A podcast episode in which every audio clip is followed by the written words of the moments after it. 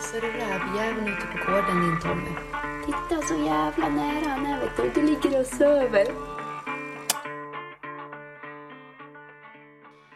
Jo, det. Nej, men idag ska vi prata med en gemensam kompis till mig och dig, Petrus. Ja, Vad heter han? Samuel Sandin heter han. Ja, och han är, brinner för finstövare och de kommer från eh, Borås. Ja, Od. Od, en bit utanför Borås. Ja, Och han håller på, kanske inte hållit på så länge men det är det att det finns ju jättemånga finstövarentusiaster här så att vi valde ingen av dem större namnen kanske men en som brinner lika mycket för rasen och det kommer ju mer folk i podden här som har just finstövare så att ja, han får presentera den rasen ja framförallt kanske hur han har snubblat in på vad heter det, rävjakten så hårt. I och med att jag vet inte om någon i hans släkt jagar. Det får vi, han väl berätta själv. Men, Ja, vad jag kan förstå av det vi pratade just om det så har ingen i hans släkt jagar utan det var lite grann av ett bananskal och jakten med stövare och hur det nu gick till. han har ju jävligt duktiga hundar ska man ju tillägga också. Ja, vi har ju fått förmånen att jaga med dem in action och du har ju till och med lyckats skjuta någon på drev där. Ja. Och det kan man ju se på film på, på någon sida som heter Bearplay då. Ja, när de nu lägger ut det på Ja. en annan del Ja precis, man måste lägga ut det också. För det finns så mycket annat där som kanske inte är så intressant för just rovdjursjägarentusiasterna. Som vi riktar oss mot lite mer. Exakt. Man blir liksom lite störd för man, när fan får jag se den här filmen? Ja precis, när var det? glömt bort hur bra han var. Alltså jag, jag liksom berättat den här historien för så många och liksom det har ju förvrängt det som verkligen hände. Precis. Ja, Ja. Jo, för jag är ju så att jag springer runt och berättar så jävla mycket för så många. Ja, Helt precis. sjukt att jag ens pratar i en mick. ja, ja det är liksom, du, du är egentligen den sämsta med i en podcast men det har ju blivit bättre. Ja, kanske. Nej men eh, det är ju ett gemensamt intresse om rävjakt som förde oss till de här mickarna. Egentligen. Ja, exakt. Och, och jag vet inte om det till gagn för någon av er som lyssnar men jag hoppas för någon i alla fall. Det tror jag nog att det kan vara kul att lyssna på. Jag Ja. tycker i alla fall det är kul att prata med. Det är många intressanta människor man får lyssna på. Och lära sig i jävligt mycket av själv.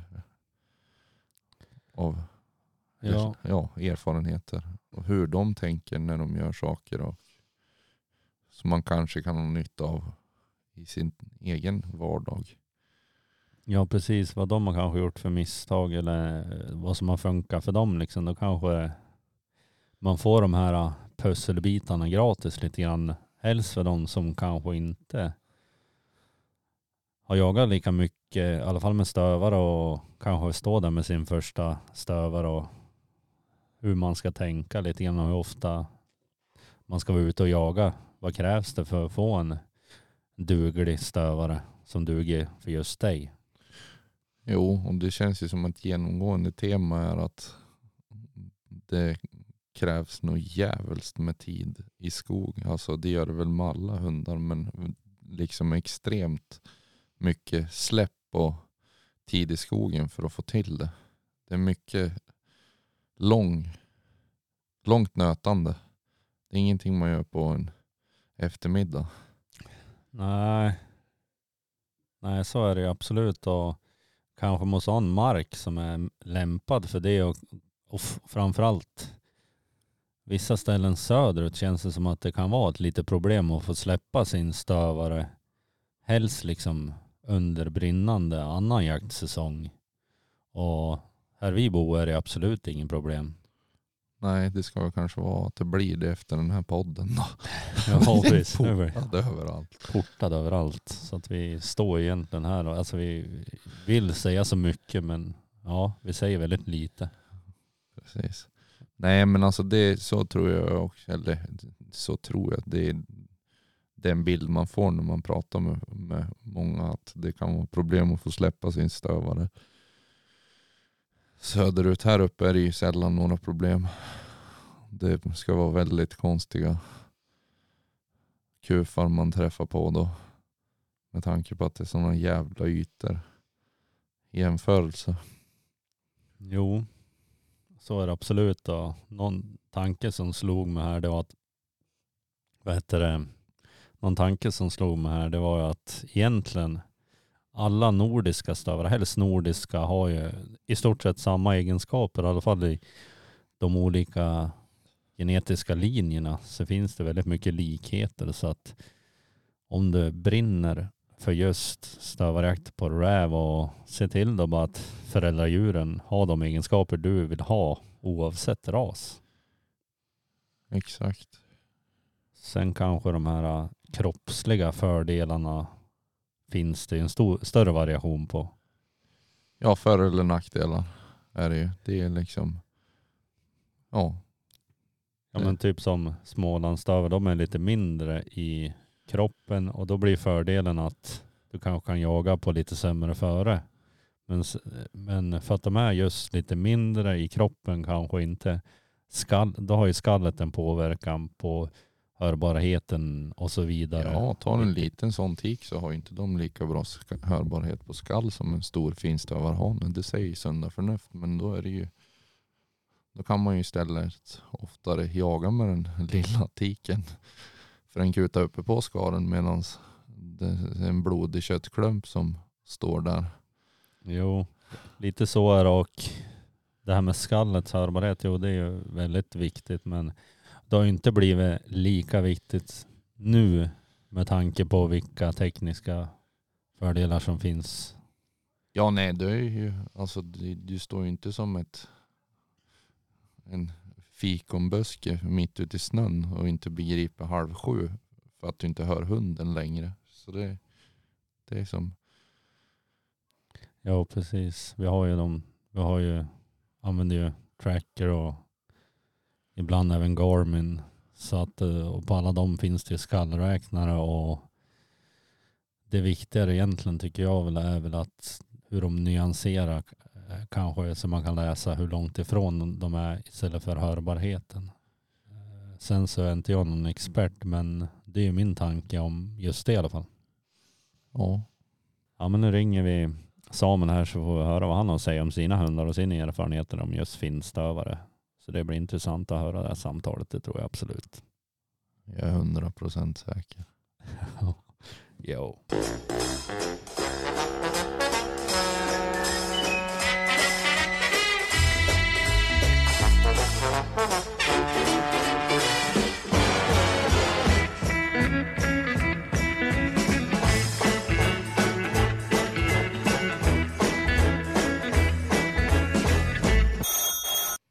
Ja, nu har jag kommit till eh, Samuel Sandin från Västergötland. Idag tänkte vi prata lite grann om finstövare och du har ju en, ett brinnande intresse för just finstövare, eller i alla fall rävjakt med finstövare. Eh, men hur kom du in på jakten till att börja med? Ja, det är en liten krånglig historia, men eh, vi får väl börja där det startar helt enkelt. Vi, vi är ingen jägarfamilj alls i släkten. Ingen har hållit i en bössa vad jag har hört från mina farmor och farfar och mormor och morfar. Men eh, det var så att jag eh, gick till skolan och cyklade till skolan då ett tag. Och just då var det i oktober när, när älgjakten gick här nere. Eh, Så jag cyklade förbi slakteriet där i veckan och till slut fick jag väl lite... Tänkte jag få åka upp och se lite vad man höll på med där. Jag cyklade upp dit och pratade med grannarna där och fick se lite hur de höll på och flodde här idag där och hängde upp i krokarna och fikade lite där och sen cyklade jag hem igen. Sen var nästa dag då får jag upp dit igen. Och då tyckte de att jag skulle ta med lite klövar och sånt till skolan. Och då fick jag en ICA-påse. Och nästa dag då cyklade jag dit och visade upp här. Titta vad jag har hittat på byn här. Uppe i slakteriet och då tyckte jag det var förfärligt. Det luktade illa. Och... Nej, släng ut dem, sa de. Inte i klassrummet, sa de, utan jag fick lägga dem på trappan. Nästa dag då cyklade jag upp igen till dem. Och då fick jag förfrågan om att följa med och hämta en älg som hade skjutit. Och det, och det gjorde jag ju då. Så åkte jag med och hämtade den och transporterade den tillbaka till slakteriet. Sen gick det väl eh, någon vecka där, sen ringde grannen igen och frågade om jag ville följa med på lite eh, harjakt med hans hammertontik, Elsa. Och det tyckte jag var roligt då. Så jag följde med där lite och eh, satt med och hörde lite vad de gamla sa. Lite fika och sånt som det var där. Han hade även drever då, så det var lite rådjursjakt. Det var ju regel harjakt på lördagar och rådjursjakt på söndagarna där då. Och sen eh, gick det väl så långt, eller jag var med så mycket till slut så att han eh, tyckte väl jag skulle få hålla i hans bussar då. Så då tog han med mig ner till en grushåla där och la upp en 25 liters plastdunk och sa skjut nu två skott på denna samen, sa han. Jajamän, sa jag. Så jag sköt två skott, jag träffade. Han sa du, det var bra gjort, nu kan du vara med och jaga, sa han. Nej, så jag gick väl några veckor till. Och jag gick i skolan där och var ledig rätt mycket. Så till slut var det så att jag fick låna hans Hamilton-fik och jag var lite hare med henne då hemma i byn här. Jag hade inget körkort eller någonting så jag fick ta cykel. Så jag tog med henne och, och cyklade ut med henne och släppte henne och hade ingen pejl och ingenting på den tiden. Det fanns ju pejlar men jag hade ingenting och varken han heller utan han hade ett orange halsband på henne med ett nummer till honom då. Så han sa försvinner du för dig så får du antingen får du leta upp henne eller så, eh, ring, eller så ringer någon i byn här till mig sen för eh, det, det brukar funka så ungefär. Så vi jagade på. Jag fick låna hans skjutsar där en gång när han var med då på uppsiktsjakt och så eh, fick jag skjuta min hare. Och det minns jag som igår för det var mitt första vilt för den hund. Och för mig också. Ja, men hur kom det in senare på, var det en hund som lärde dig att jaga räv eller var det, du själv? Nej, sen, eh, nej men jag jagade med antiken ett tag och sen, eh, sen blev jag sugen på en egen hund. Och eh, då gick jag, ja, jag bodde hemma då medan så jag sa till min far att eh, jag vill köpa mig en jakthund. En stövare då, men det, han har aldrig varit intresserad av någon jakt och ingenting så han sa att det, det får du typ inte. Eller det, det blir ingen med jakthund här, sa han bara på skoj så.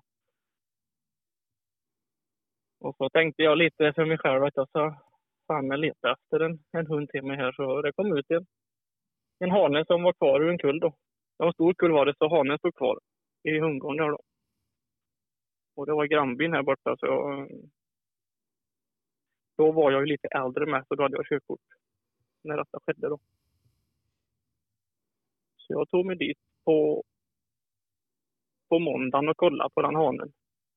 Och så på onsdagen bestämde jag mig att jag köper den då.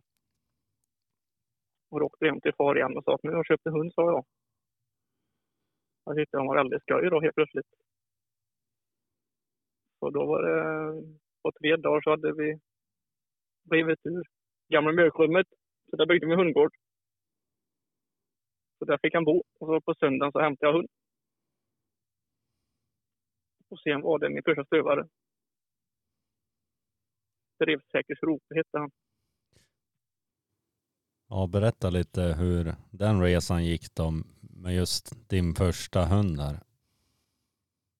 Ja, nej, jag var ju väldigt grön på jakt överlag. Detta var ju 2013, så inte så länge sedan egentligen. du är inte lastgammal själv heller så du, Nej, nej, jag är 27 och fyllde 28 här i, i höst. Så eh, det gick väldigt snabbt allting. Så jag började ju, nej jag började jaga hareman helt enkelt. För det var det jag hade lärt upp mig av Hamilton-tiken här hemma då. Så vi kompisarna här hemma och lite granna, vi jagade ju hare med han i ja, drygt två år. Och han var väldigt, eh, väldigt duktig på att ta upp hare och vi sköt mm, en bra hög för han första och andra säsongen då. Så vet jag inte vad som hände. Jag, jag har en i, i byn här som jagar mycket räv och jag fick upp lite ögon för det med. Så jag började med lite rävåtel och lite, lite kameror och sånt. Och det var väl där min resa som rävjägare började för att säga när jag fick lite nys om det då, så det var det var trevliga år jag hade med honom men det var inte bara Ja. du som fick upp ögonen för just räv utan det var även hunden, eller hur var det? Ja, det var, det var även eh, Zacke då som han hette. Jag eh, plockade han rätt mycket på hare och eh, varje gång jag kopplade han hare eh, tänkte jag för mig själv att jag måste ha en räv att släppa på då. Hyfsat färskt i alla fall. Och det funkade faktiskt, för sen blev han, eh, ja, 99 procent eh, harren fall. Och du hade skjutit ett gäng harar för han också eller? Ja, vi, ja, vi låg nog mellan 15 och 18 harar för den andra, eller första och andra säsongen då. Så i mina ögon var det ju... Ja, det var en lättlärd hund att växla över till räv alltså, för sen var det... Sen var det full fart i många år tills han blev eh, hjärtsjuk där då. Ja precis, och då hann att gå några prov med, med den här hunden också. Hur gick de proven? Ja, jag hann nog gå ett par prov med honom. Jag, jag startade honom rätt så tidigt på något öppet prov om jag minns rätt. här. Jag vet jag fick någon trea och nolla och jag har inte riktigt koll på de proverna nu för länge sedan men till slut så vet jag att jag lyckades få ihop honom så att han var en startklar elit då. Och eh, väl på elitprovet så eh, fick vi två ettor på honom. Med hyfsade poäng. Jag startade ju Hallandsräven. Gjorde jag. Med han en gång. Då lyckades vi kamma hem den tävlingen där då. Och efter det var det väl två elitprov jag gick om jag minns rätt och då gick det också väldigt bra. Och fick han sin elitetta med bra egenskapspoäng. Ja, ja precis. Och vad var den hundens högsta poäng då? Det var ganska högt om jag, om jag kommer ihåg rätt. Det var på Hallandsräven, då var det 67 poäng. Ja precis, men just den här hunden, vad hade han för egenskaper då om man ser till helheten som rävhund? Nej, man hade ett härligt sug får jag säga. Uh, svepte iväg i marken bra och här nere jag jagar är ju rätt så tätt med räv så han inte komma så långt innan han hittade slag då men uh, sen var han inte världsbäst på att ta jättegamla slag utan det fick väl vara kanske ja tre, fyra timmar gammalt innan annars var det inte intressant för honom. Utan då gick han vidare istället och, och fortsatte söka då. Sen var han eh, som rävhund mer. Han var han var ett djävulskt tätskallig hund. Han eh, var härlig att lyssna på. Bra fart. Inte för snabb och inte för, långsam utan han höll ett bra tempo. Ja, stundtals var det grytmarkeringar och stundtals var det inte ens intressant. För vid rävarföran så det räckte att han såg att han låg där så drog han upp och sökte på nytt och började slaga på nytt då, så det var... Det var så han funkade. Ja precis, men det här med provverks eller att det skulle starta på prov, var det en själv, självklarhet eller liksom har du fått det av Hamilton Tikens ägare? Nej, det var, nej, det var det inte för hon gick in, inga prov vad jag vet. Eh, det var väl eh, Västergötlands stuvarklubb som jag fick kontakt med där och lyckades få tag på någon duktig rävjägare där tidigt med han då. Så jag blev medlem väldigt snabbt och så fick man sina kontakter lite överallt och så det finns ju rätt många domare här nere med så det var inte svårt att få tag på domare här utan det var de tyckte det var skoj att jag, en ung kille ville starta hund då. Så de flesta ställde upp väldigt tidigt och så eh, tog jag det därefter. Varför blev det just finstövare? Finns det någon anledning där förutom att det var en, var det bara liksom en tillfällighet att det fanns en valp över? Nej, nej det får jag säga för det, det var ju kompisen hemma i byn. Han har ju alltid haft, eller han, de sista åren när, när jag började jaga hade han ju finstövare och det var ju han jag jagade med rätt så mycket med. Och det var väl, eh, ja, lite därför jag valde finstövare och även sen när denna Zacke då kom ut på, det var faktiskt Facebook tror jag jag hittade han på av en bekant som skickade till mig att, eh, att det stod en där. Så då, ja. Jag hade, inte, jag hade ingen tanke på någon annan ras just då utan jag följde honom lite direkt där sen. Sen är det bara löpt på. Hur, vad som utmärker rasen enligt din erfarenhet nu då? Du har haft några hundar och sen jagat med några. Sen har du ju ett brinnande intresse trots att det bara är snart 28 år då. Vad utmärker finstövarrasen tycker du?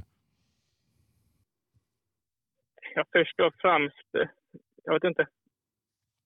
Jag tycker de är lite bredare i, i aveln överlag. Eh, jag är ju även jaktprovsdomare och har varit nu sedan 2018 tror jag det var. 17 kanske.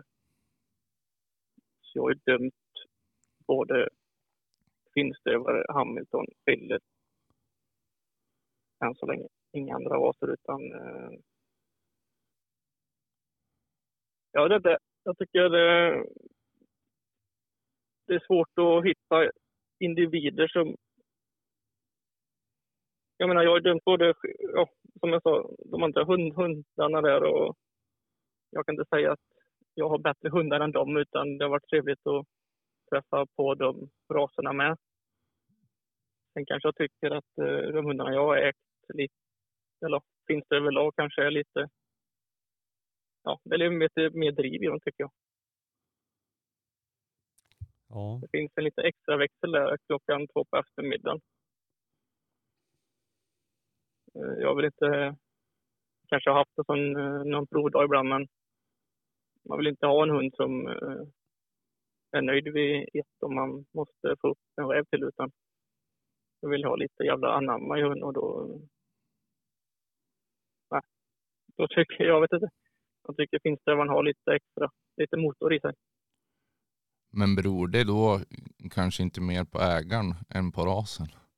Att det är husse som börjar ge upp klockan ett eller har gjort så att hunden är van Nej, men- att den får Nej, men jag, det var som ni pratade i tidigare poddavsnitt att eh, ja, ibland kanske man är nöjd med hunden klockan 11 för han har gjort det bra det och vet att han ska kaffe och åka hem. Det sätter sig i hundens huvud, Jo men exakt, jag, eller tro- tror jag. exakt det var det jag menade. Så det är klart att det är upp till ägaren också.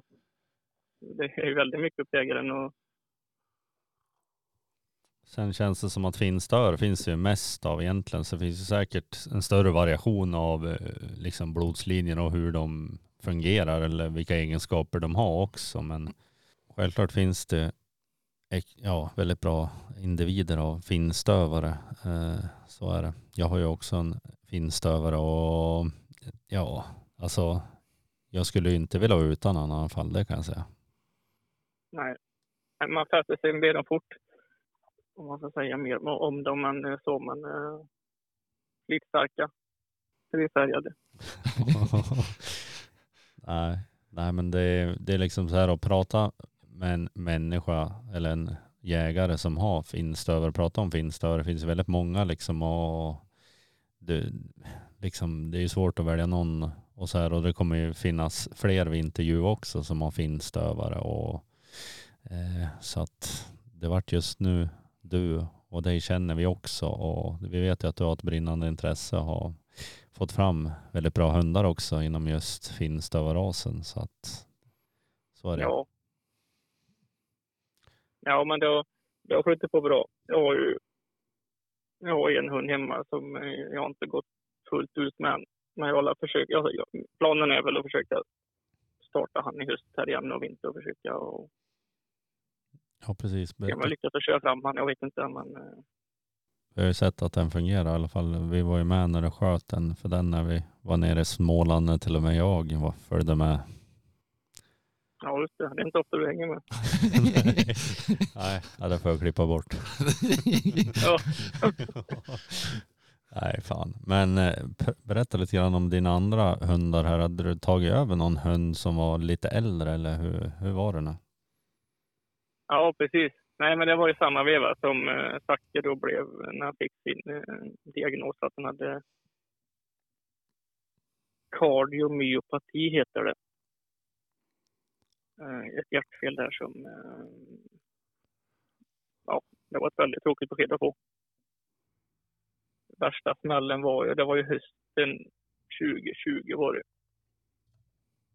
Då hade jag ju Nej, jag hade två långa jaktdagar helt enkelt. Med, ja, vi hade nog upp en sex eller sju även med på två dagar.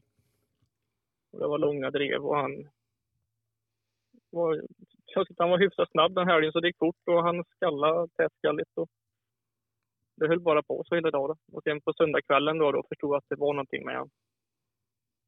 Han hade jättebekymmer och ja, så fort han la sig ner kan man säga så eh, tryckte det så mycket på bröstet så det gjorde, han fick ingen luft eller någonting. Så han fick stå upp väldigt mycket med, med huvudet högt för att få luft då. Och det insåg jag snabbt att det var något fel så jag ringde till min lokala veterinär här i Ulricehamn men han skickade vidare mig till Blå Stjärnan i Göteborg. Och då låg han inne i ett och ett halvt dygn och då fick han även lite eh, syrgas där då. Han skulle kunna andas lättare.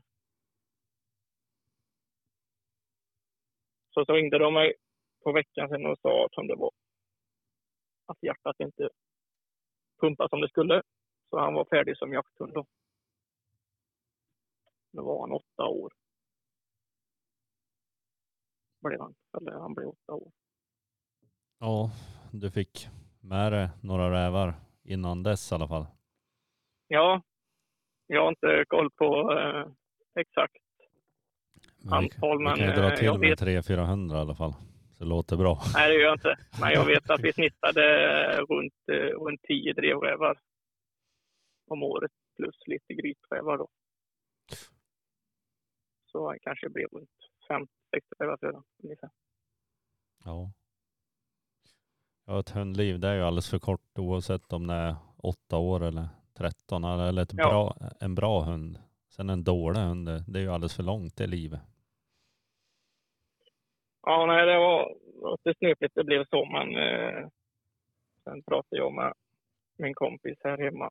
Han bor lite längre bort och då sa jag som det var då. Med, med Zacke då, han tyckte han skulle hitta en valp till mig då. Så vi kikade runt lite och så mm, um, tingade jag upp mig på en kull där rätt omgående. Men de var inte födda än under tiden hon var dräktig så kom det ut en, mm, en hane som stod på Gotland. Eh, Hetteryd Cassie hette han. Och jag tyckte det var en, eh, det lät som en, eh, det såg ut som att det var en bra stam på honom. Han var tre år där då. Så hörde jag av mig till Tore Timgren var det, som hade hand om den hunden för tillfället då för ägaren hade gått bort. Så han var mellanhand där på hunden då. Ja. Jag pratade lite med han och han sa att det, han visste inte vem jag var eller ingenting så han sa att det är väldigt många före i kön men ja, vi får se. Vi har inte bestämt oss än. Så, tyck, så hade jag en ja, kompis, en då bekant han hade lite kontakt med Tore sen innan så han hörde av sig till, till Tore och pratade lite vem jag var hur gammal jag var. och Att jag hade blivit av med min hund nu och så. Då. Så ringde Tore efter en dag och sa att vill du ha, vill du komma och hämta Cassus så, så får du det. Så. Så jag tvekade inte, utan jag, jag sa att jag tar han då. Så drog vi ner efter eh, ja, tre, fyra dagar så mötte vi upp eh, Tore och Kessu på eh, färjan i Oskarshamn. Och så följde jag med mig hem till Ord. Och det var där hans resa började. ja, hur, hur utvecklades... Ja, nej, det var, det var, jag fick hem ett kraftpaket. Han var otroligt stor. Överviktig och, och så. Annars var han jättefin i färgerna och, och så. Men det var ju bara till att börja lära känna han och, och lite så. Det var ju på hösten också, så det var ju ja, hösten och till och med på vintern har jag hämtat honom. Så det var bara ut med honom i skogen direkt tänkte jag och, och jaga då. Men det var inte det var inte så lätt som jag trodde utan det var ju, han var stod ju, ja, fem första släpparna kanske han bara stod 15 meter bort och kollade på mig bara. Typ, vem är jag och vad gör jag här? Men jag gav mig inte utan det var bara att nöta på. Jag hade lite rävar på bilder och lite synop, så det, jag åkte ut väldigt mycket med honom och, och släppte kanske, jag skojar inte, jag tog nog en 30 släpp innan han ens lämnade mig i synhåll. Så vi kämpade på. Och så gick det några släpp till och så till slut så drog han iväg lite och kikade lite, kom tillbaka och, och rätt som det var så vickade han av där på en skogsväg och började skalla lite. Tänkte, vad i helvete? Då kom han tillbaka Jag tänkte jag, han får la gå där då. Tänkte jag skicka på honom igen då och så var han lite där och rev lite och nej, han kom tillbaka tänkte jag, då, skiter jag i det idag så åkte vi hem igen och så så när jag inte ens komma hem så fick jag ett nytt kort på en räv här nere. Så jag åkte ut igen med han. Och det var ju... Ja, då var det ännu bättre utan då var han iväg. Eh- då tog han slaget såg jag ju direkt och så gick han iväg kanske 300 meter max. Lite så lite okontrollerad skall men han skallade lite och nej, sen kom han raka spåret tillbaka och vi jätteglad. Så, så höll vi på kanske fem, sju gånger att han bara kom tillbaka och, och rätt som det var så fattade han nog galoppen utan då bara han fortsatte springa efter och började driva. Hur kändes det då för dig? Ja, det var, nej, det var ju så himla skönt. Jag visste inte varför jag hade hittat för hund för jag tänkte att det var något fel på. Det låter Men det var något att han, han fattar ju inte riktigt. Jag vet inte mycket han var jagad med heller på Gotland där jag tror inte han var jagad med så mycket. Nej, det var det jag tänkte säga. Att det låter ju som att det var en, ett barn i en vuxen kropp. Om man säger Ja, men det var, Ja, var ju lite så. Eh, Valpaktigt beteende på en treåring. Exakt. Men sen small det bara till så då jagade han ju.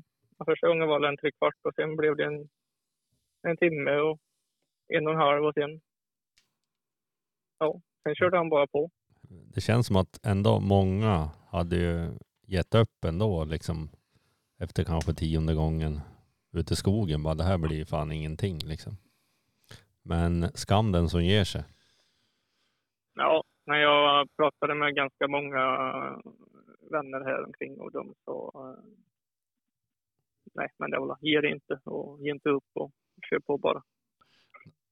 Det var ju bara att nöta på. Jo men precis, det gäller ju att kunna kliva utanför sina egna känslor lite grann och analysera vad är det som händer, vad är det, vad är det jag har? För det är som sagt, tänker man lite längre så ser man ju att ja, men den här har inte varit i skogen ens. Nej, han hade inte varit med mig i alla fall och de här trakterna så eh, det är klart det var nytt för honom. Exakt. Ja, men och sen eh, det här var, var det här första hösten eller vintern? Var det här eh, året efter? Ja, nej det var samma år var det. Jajamän. Så det hade Han inte... blev ju sjuk, eh, ja. Han blev ju sjuk i oktober och jag hämtade Kasso i december. Ja, precis. Och, eh, säsongen är ganska lång där nere, eller så lång den bara kan bli egentligen. Hur har proven gått för Kesse? För att jag vet ju att det har gått några prov med, med just han. Ja. Nej, men det har också flyttat på bra. Det var eh, det är lite som ett, eh, vad man säga, som ett drömscenario som har skett med han faktiskt. Eh, ja, han har funkat så fruktansvärt bra enligt mina ögon. Inte krånglat eller eh, gjort något konstigt på proven utan det har flyttat på. Så han, eh, ja, jag har ägt han då sedan december 2020. Och eh, i februari, nu i februari då, så blev han färdig champion på räv då.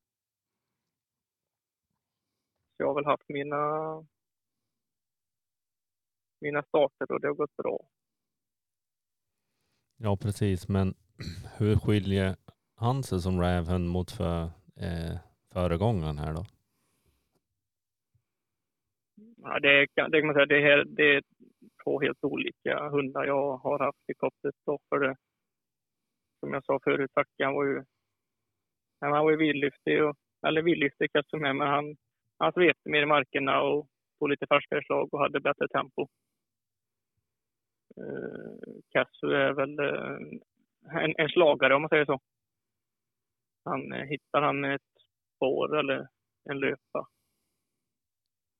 så följer han den till antingen han inte kommer över något hinder eller att, och även en gryt eller att han får upp den för uh, han tar väldigt gamla slag. Och det gjorde inte Zacke. Sen driver han lite långsammare än Zacke gjorde med. Jag, har inte- jag har inte sett om det har gjort någon skillnad på rävarna går upp eller inte men eh, jag tycker det, eh, det bestämmer räven dag, dag för dag lite mer bytesmedveten kanske. Tryckmarkerar. Zacke hade väl snäppet bättre skall tycker jag med. Betydligt tätskalligare. Annars funkar de på samma sätt. Båda tuppräv och drev fram och vi sköt. Så det är rävhundar båda två. Men hur har klövintresse varit på de här hundarna som du har haft då? Och Zacke fick jag ur rätt tidigt så att säga. Det var nästan första året med harjacken där. Det var, en, det var inte många rådjurskrev han gjorde. Han räckte ju bara att ta tag och fya så vek han sig. Han var, han var inte svår. Tuff då som jag har som är sex år. Han har heller inte varit så farlig på dem. Ja, han var lite värre. Jag fick ju kämpa lite mer när han var tre, ja, tre år ungefär. Då började han väl mjukna på dem. Cassu då har inte jagat rådjur i mina ägor. Vad jag vet i alla fall.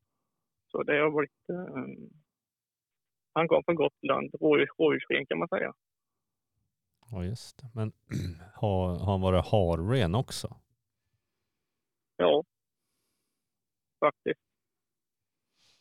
Han har, han har drivit haren men då har, de ju, då har han verkligen trampat på dem och, eh, och eh, sprungit efter dem en då. Men han har aldrig jagat dem och eh, vad jag har tydat på, på hans kroppsspråk och pejl så har han aldrig slagat på en hare utan har varit själv.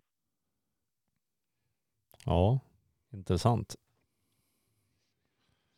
Nej, det, det funkar bra med honom. Får vi se vad som händer i höst här nu men eh, det ska nog gå bra hoppas jag. det tror jag säkert. Ja. Visst var det Kessu som drev eh, den här även som du sköt i Gryt sen när jag var nere? Mm, ja. Det var, vart han sköt i den då? Eh, där eh, i slänten ner emot... Eh, ja, precis. Det var, just det, det var ju den räven ja. Det var ju en rolig räv och den gick ute länge och väldigt länge får jag säga. Jag visste nästan vilken räv det var han tog upp där. Jag tänkte den grytan nog efter fem minuter men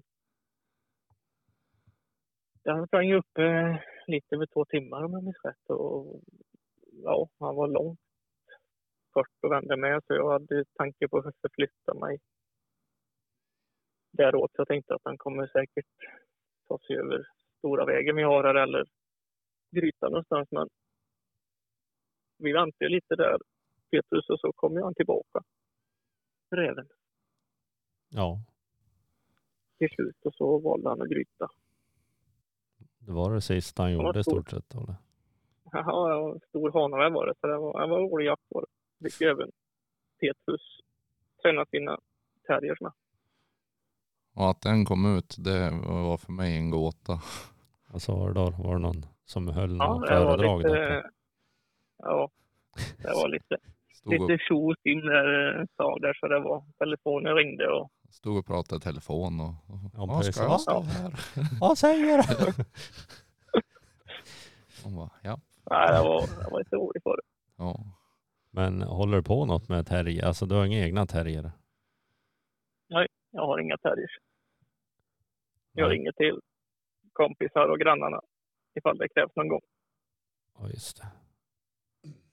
Eller så. Vi har aldrig, vi har aldrig varit hårda eh, med grytjakt alls här hemma i, på vår jaktmark. Så, eh, det finns så pass gott om räv, anser jag, så eh, ja, det ska gå att släppa om och, och resa en ny.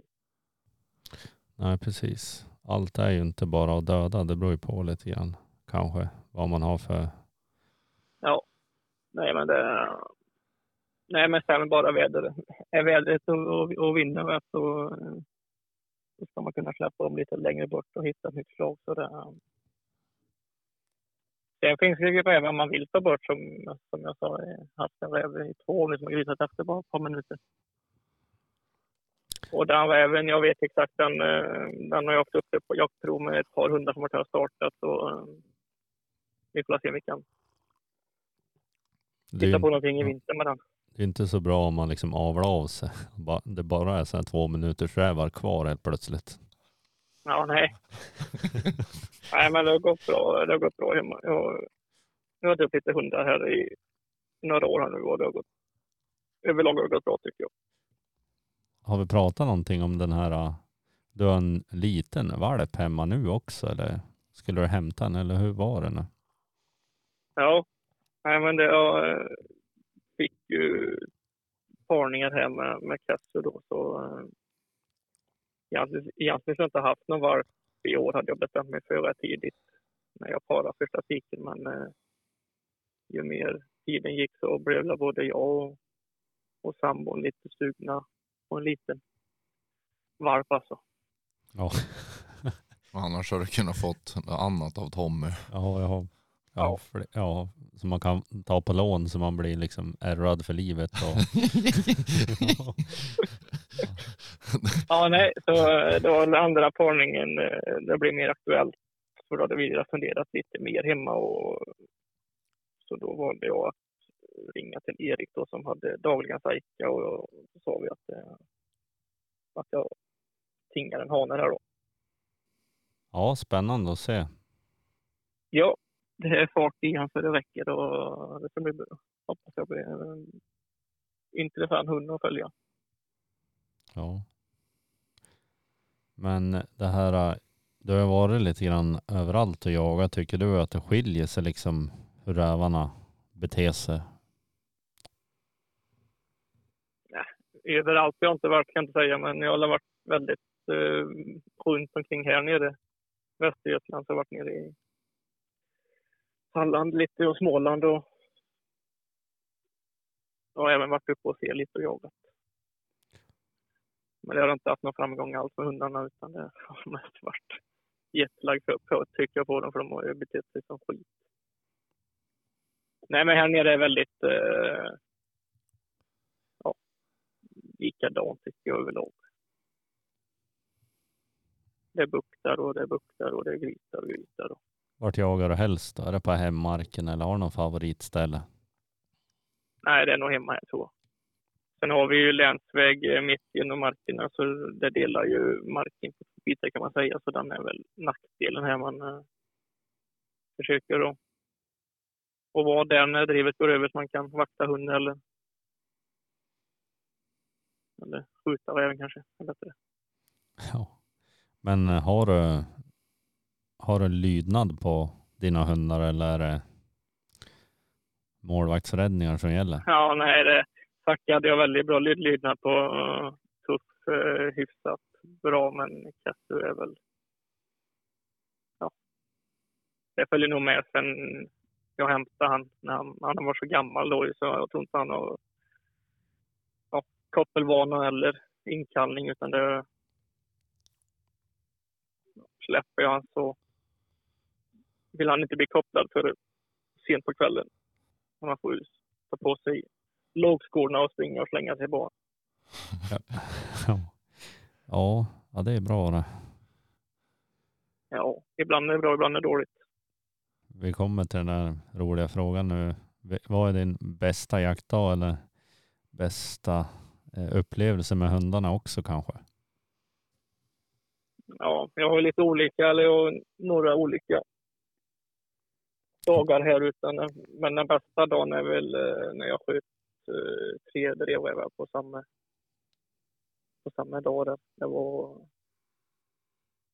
jag var- inte jättegammal då heller, utan Zacke kanske var en fyra, fem år. Och så hade jag med mig eh, en i grannlaget. Han var också med och släppte, så vi, jag sköt två för den och en för Zacke. Och jag tror inte jag gör om det igen, utan det var det är något som jag kommer komma ihåg. Hur gjorde du för att lyckas med det? Nej, jag visste ju ungefär vart, vart rävarna kom under många veckor där och till slut så jag fick jag ta pass och vänta in drevet och sen kom första räven och så tog en kopp kaffe och så släppte vi om och så tog jag pass igen. Så släppte jag min egna hund så då fick jag skjuta för hand. Och det var heller inga, det var inga fem minuter till heller utan det var ja, jag tror längsta var på 1,15 kanske. Och det kortaste var kanske på 20. Ja, Och så fick jag skjuta för, för hand där då. Sen släppte vi om eh, den andra finstövaren också och eh, då stod jag rätt igen. Så det var väl, eh, jag tror att är min bästa jaktdag. Sen klart när man, sen har jag två andra bra dagar med. Det är ju när man har lyckats att, få fram sin, eh, sin hund till, eh, till eh, champion.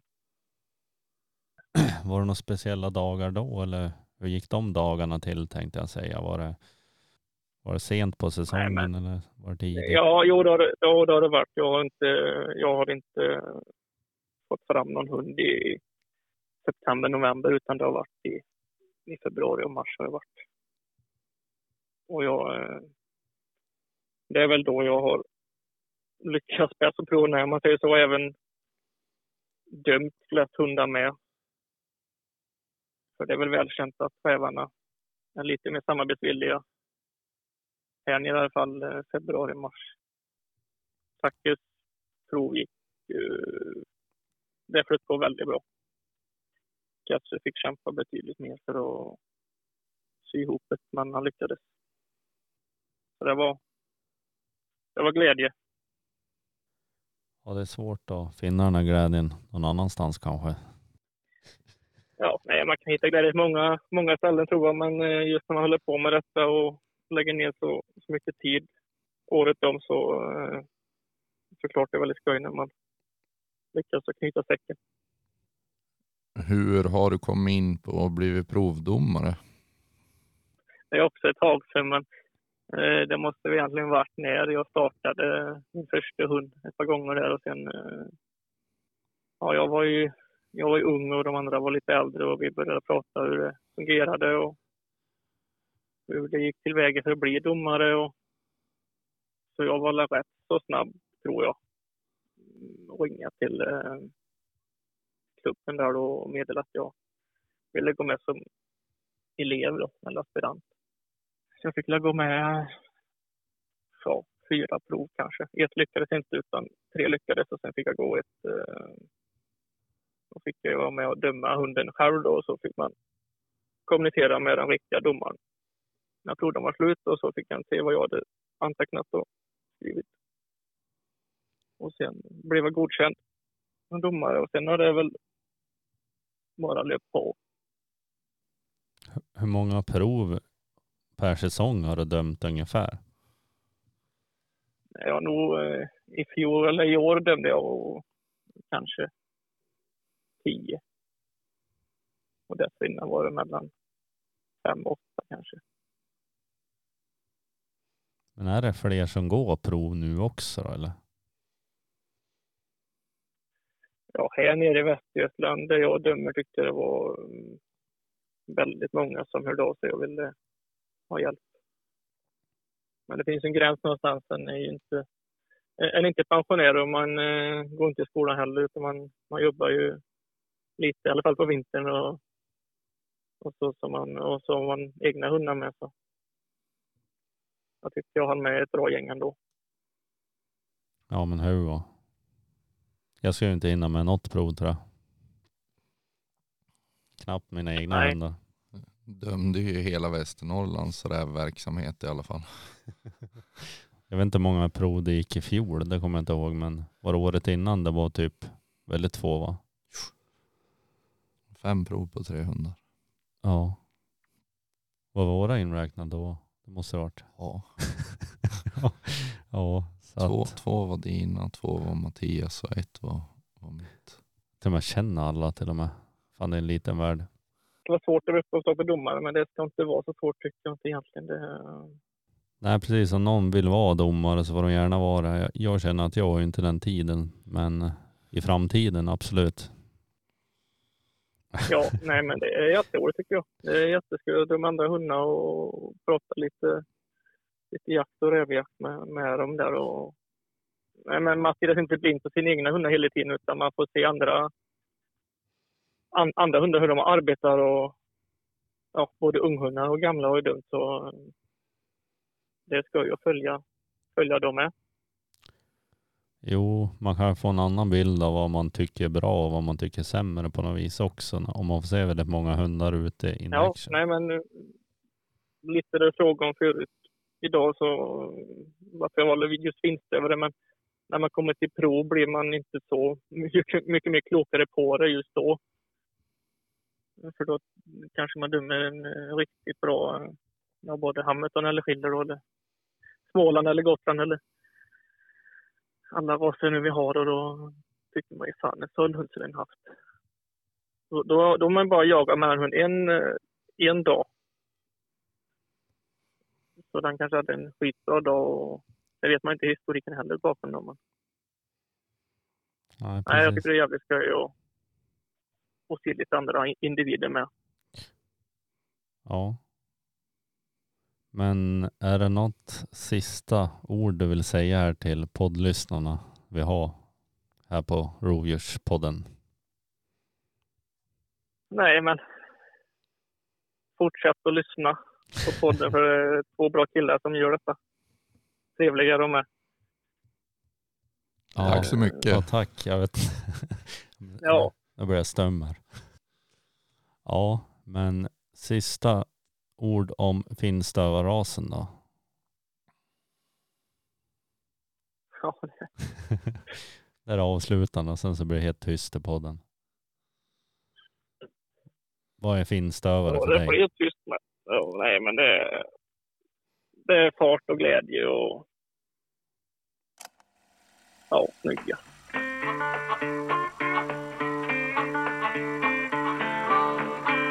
Du skriver till för att prata med Petrus. Jag och jagar och jagar. Jagar och jagar, jagar. Med dina kompisar.